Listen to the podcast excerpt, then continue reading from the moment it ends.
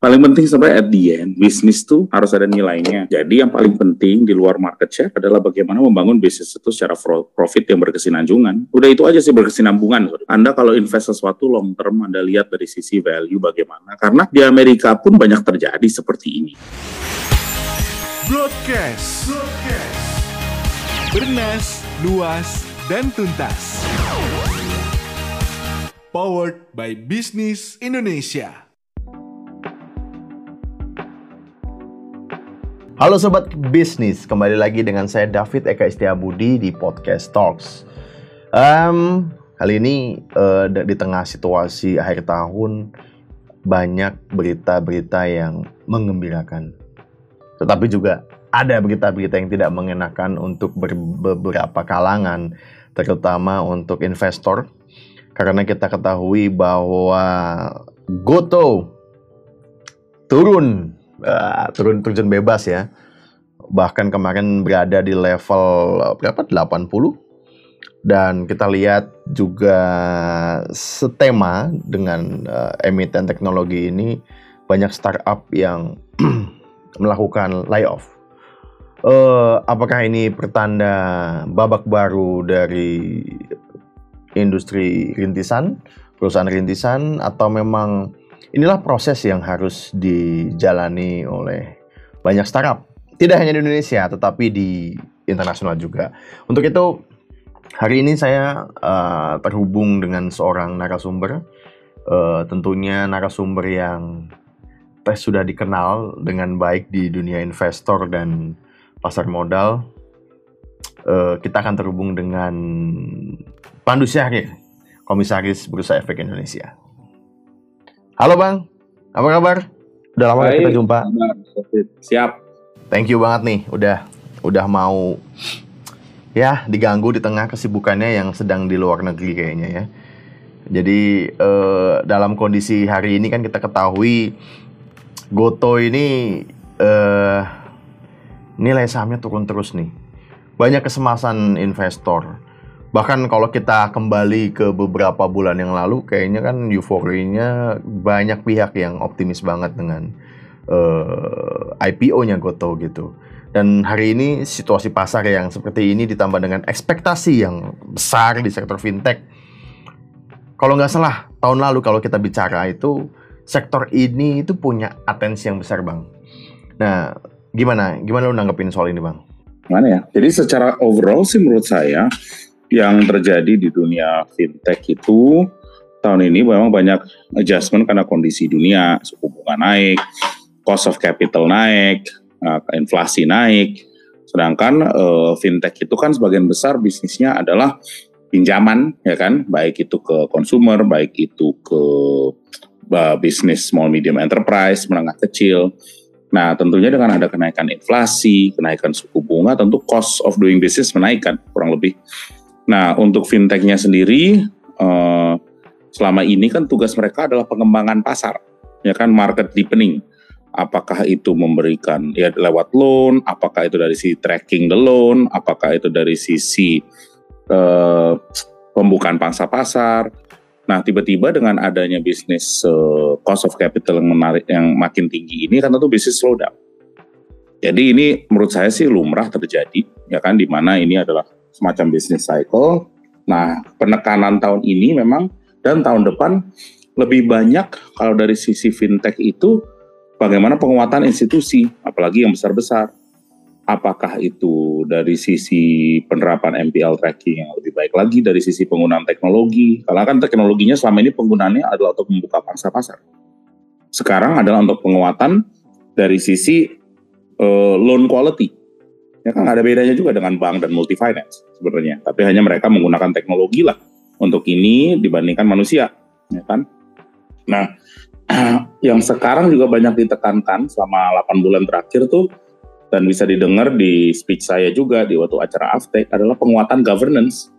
Tahun depan juga menurut saya temanya di luar deepening market adalah governance. Bagaimana perusahaan-perusahaan uh, yang bergaung di bawah Aftek itu menguatkan governance mereka dan governance ini macam-macam dari sisi penguatan yang paling penting ya penguatan institusi ada check and balances, ada nah semacam independent board member, ada semacam internal audit, ya kan, tim dan risk management yang diperkuat. Karena memang berbeda bisnisnya Mas David dibandingkan tahun 2021, di mana semuanya adalah soal pasar di besar, pasar di besar. Karena kan yang buatan bangga buatan Indonesia kan itu 2020-2021. Biar loan itu bisa uh, untuk menggerakkan roda ekonomi. Ini kurang lebih gitu. Jadi ya 2023 ini ini semuanya adalah penguatan institusi. Mungkin itu temanya sih, Mas. Tapi kan juga disebutkan, Bang. Jadi salah satu penyebabnya ini tingginya, begitu tingginya ekspektasi dari investor. Tolong deh, Bang Pandu jelasin soal ini kayak gimana sehingga siklus bisnis atau cycle-nya begitu cepat gitu. Sebenarnya eh, apakah uh, yang terjadi di Goto juga terjadi di sektor lain gitu? Sama aja menurut saya gini lah, karena kan selama ini tech selama tujuh tahun terakhir perkembangan baik, apalagi pada saat zaman COVID. Pengembangan pasarnya bisa naik tiga kali lipat, jadi tentu ada ekspektasi untuk investor untuk lebih naik, lebih cepat lagi, dan itu menurut saya manusiawi. Dan itu juga dari sisi company juga, company-company juga punya ekspektasi lebih tinggi, karena ini soal pengembangan pasar. Ya tentu tiba-tiba kalau ada pengalihan, kan nggak ada yang melihat ada perang. Siapa yang tahu soal perang yang terjadi di Ukraine Rusia. Itu langsung efek kepada cost of uh, apa namanya uh, inflasi yang sangat besar. Inflasi yang sangat besar di, uh, di, di pangan dan di harga energi yang terjadi artinya apa? Harus dinaikkan suku bunga juga untuk mengerem ini semua. Ya semuanya menurun jadinya kan. Ini ini menurut saya nggak uh, uh, apa lumrah gitu loh. Kalau tiba-tiba karena tidak ada yang bisa melihat perang itu bisa terjadi segini lamanya. Nah bicara sektor teknologi nih bang, uh, layoff ini kayaknya nggak cuma di Indonesia, uh, Meta juga melakukan hal yang sama gitu. Jadi ada asumsi bahwa semua uh, semua startup di seluruh dunia ini melakukan pemenahan, uh, bahasanya dalam membenahi bisnis uh, ke depan gitu. Nah, tetapi ketika teringat omongan lu pada pembicaraan kita terakhir bahwa sebenarnya ada waktu atau kalau enggak tujuh tahun kalau nggak salah ya hingga startup itu tuh mature dan akhirnya siap untuk IPO. Nah, uh, sekarang nih uh, dengan adanya layoff, apakah sebenarnya mereka startup itu sudah menemukan pola bisnis yang lebih efektif sehingga sebelum-sebelumnya uh, perlu lebih banyak orang dan sekarang tahu nih mana yang lebih efisien sehingga itulah yang dipilih. Memang ini uh, wage inflation atau misalnya cost of inflation di sisi apa, uh, profesional di teknologi memang dua tahun terakhir 2020-2021 pengembangannya sangat besar. 2022 dan mereka semua perusahaan-perusahaan investasi besar untuk 2022. Jadi yang terjadi pada tahun ini ya mereka melihat 2023 nih rupanya 2022 tidak secepat 2021 dan 2023 juga akan sama. Ya jadi ya mereka mengambil cara yang lebih konservatif sekarang. Kenapa? Karena ini juga ada beberapa ya. Satu, investor mereka menginginkan bukan lagi growth at all cost, tapi growth profitably. Ya kan lebih cepat kalau dulu bilangnya 2024, 2025, 2026, sekarang dia mintanya tahun depan. Ya kan jadi mereka harus cover cost. Kedua, untuk di luar non-core bisnis mereka, ya mereka banyak sekali yang bilang, eh fokus lagi dong ke core yang non-core nanti saja. Ya tentu dengan itu ya tim-tim yang ada di non-core bisnis atau bisnis-bisnis yang penumpang, uh, apa namanya, uh, yang supporting, sorry, ya mereka sekarang akan uh, uh, either fokus ke core business atau pergi ke tempat lain, ya kan? Uh, dan yang terakhir memang kalau bisa dilihat dari sisi founder sekarang, mindset mereka adalah bagaimana saya bisa secepat-cepatnya menjadi profitable. Itu udah pasti, makanya cost itu sekarang fokus utama buat semua para uh, founders-founders. Berarti bisa dibilang analogi bakar uang itu udah selesai?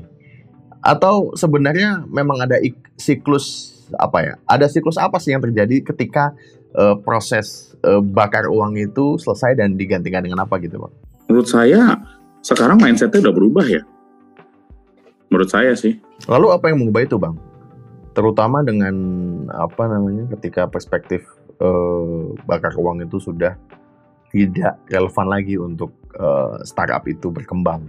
Saya rasa perspektifnya sekarang kalau saya sendiri sih udah berubah sebagian besar sekarang teman-teman udah bilang ya udah waktunya sih untuk kita cash flowing. Jadi sisi cash flowing itu sekarang semoga menjadi mindset juga untuk semua sih. Hmm, berarti ini pelajaran buat banyak pengusaha baru untuk bangun startup. Uh, apakah dia harus melalui hal itu bakar duit? Istilahnya gitu ya bang ya? Enggak juga.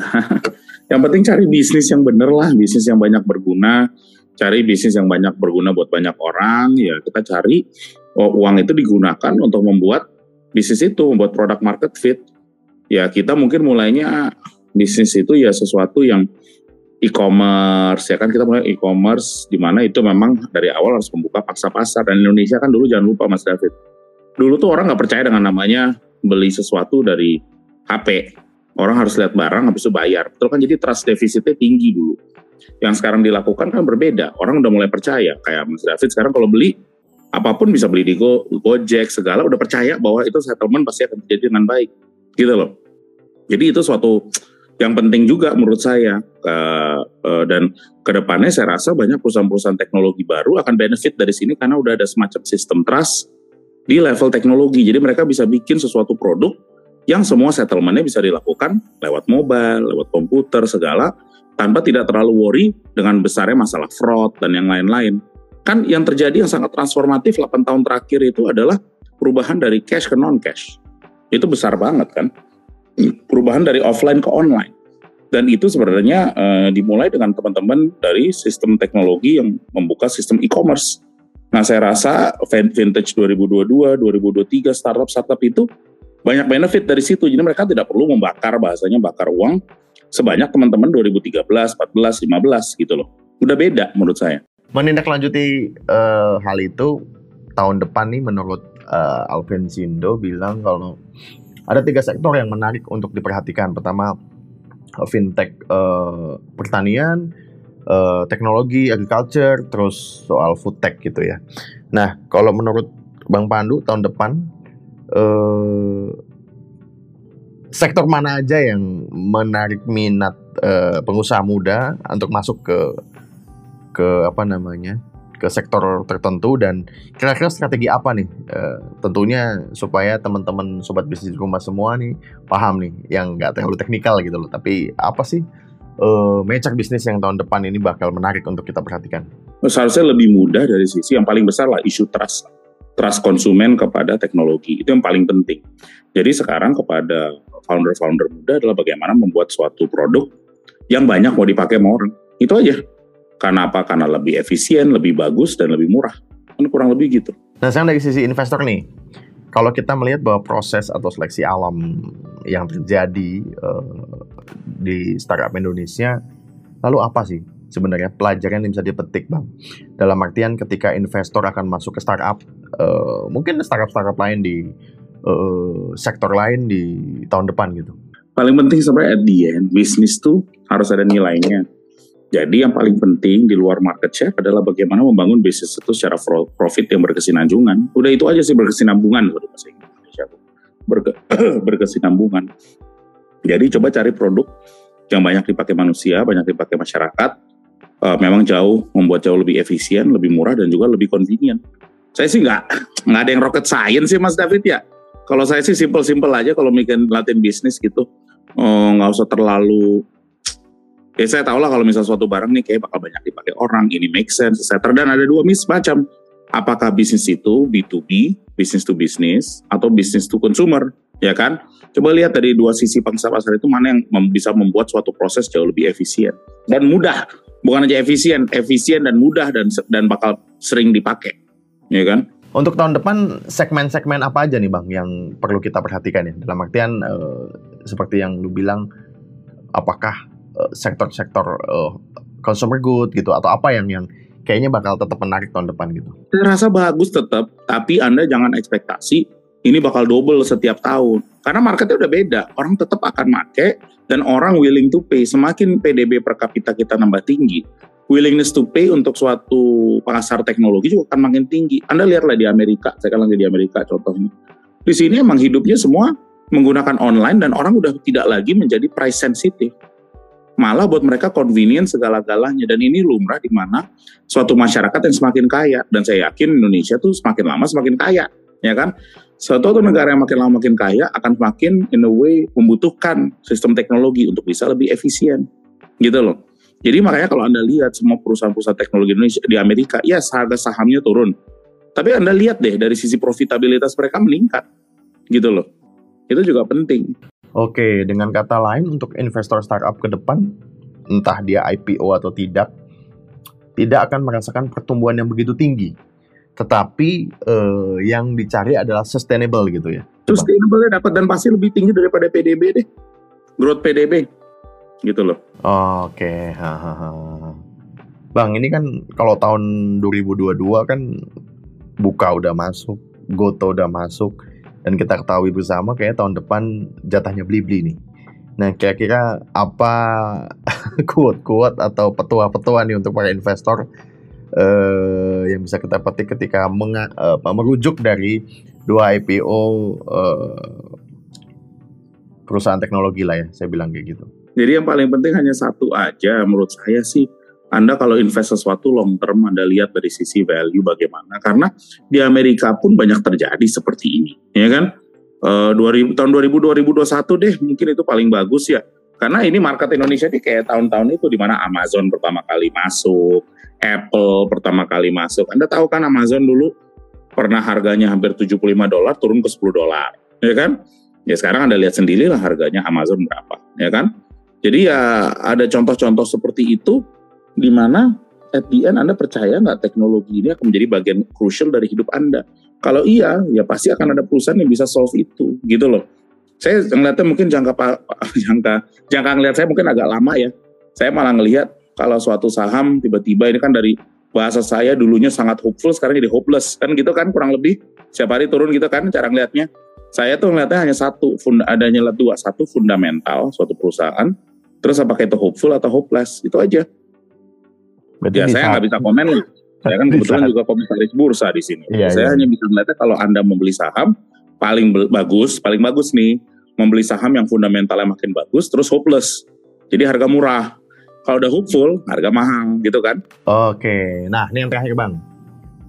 Masih ada anggapan nih kalau uh, apa startup IPO itu harus nantinya unicorn apa decacorn gitu. Tapi eh, apakah itu perspektif yang keliru ya? Atau sebenarnya tidak perlu menjadi tujuan utama gitu? Nggak ada bisnis, nggak ada yang benar, nggak ada yang salah. Yang penting adalah kalau untuk menjadi perusahaan TBK, Anda sudah siap untuk menjadi perusahaan TBK, ya kan? Untuk siap tuh adalah institusi Anda kuat melakukan itu. Apakah dengan governance yang ada, transparansi yang dibutuhkan, dan dari sisi governance dan transparansi kan foundersnya juga harus siap mental untuk melakukan itu. Ya institusinya harus kuat lah suatu perusahaan untuk bisa masuk ke perusahaan TBK. Terima kasih eh, Bapak Pandu Syahrir, eh, Komisaris Bursa Efek Indonesia. Thank you Bang untuk informasi, untuk eh, insight yang eh, diberikan. Eh, tentunya sukses untuk aktivitas-aktivitas padat eh, sehari ke depan ya. Demikianlah Sobat Bisnis, Em, kita tahu bahwa di penjung tahun mungkin banyak banyak kekecewaan bagi teman-teman yang mungkin masuk di uh, Goto gitu ya. Tapi kita akan melihat bagaimana akselerasi Goto dan mungkin uh, emiten-emiten teknologi atau mungkin kita akan menyambut uh, IPO Blibli tahun depan. Apa pun itu proses terus berlangsung. Kalau kita dengar berita layoff di beberapa apa uh, startup terjadi, kita berharap memang benar bahwa mereka menemukan uh, core bisnis yang lebih matang, eh, apa ya, pola bisnis yang lebih efisien. Tentunya tidak hanya bakar duit, tetapi membakar semangat. Demikian dari saya David Eka Setiabudi, sampai jumpa di episode berikutnya. Tetap pantengin channel ini, follow Instagram kami juga. Sampai jumpa.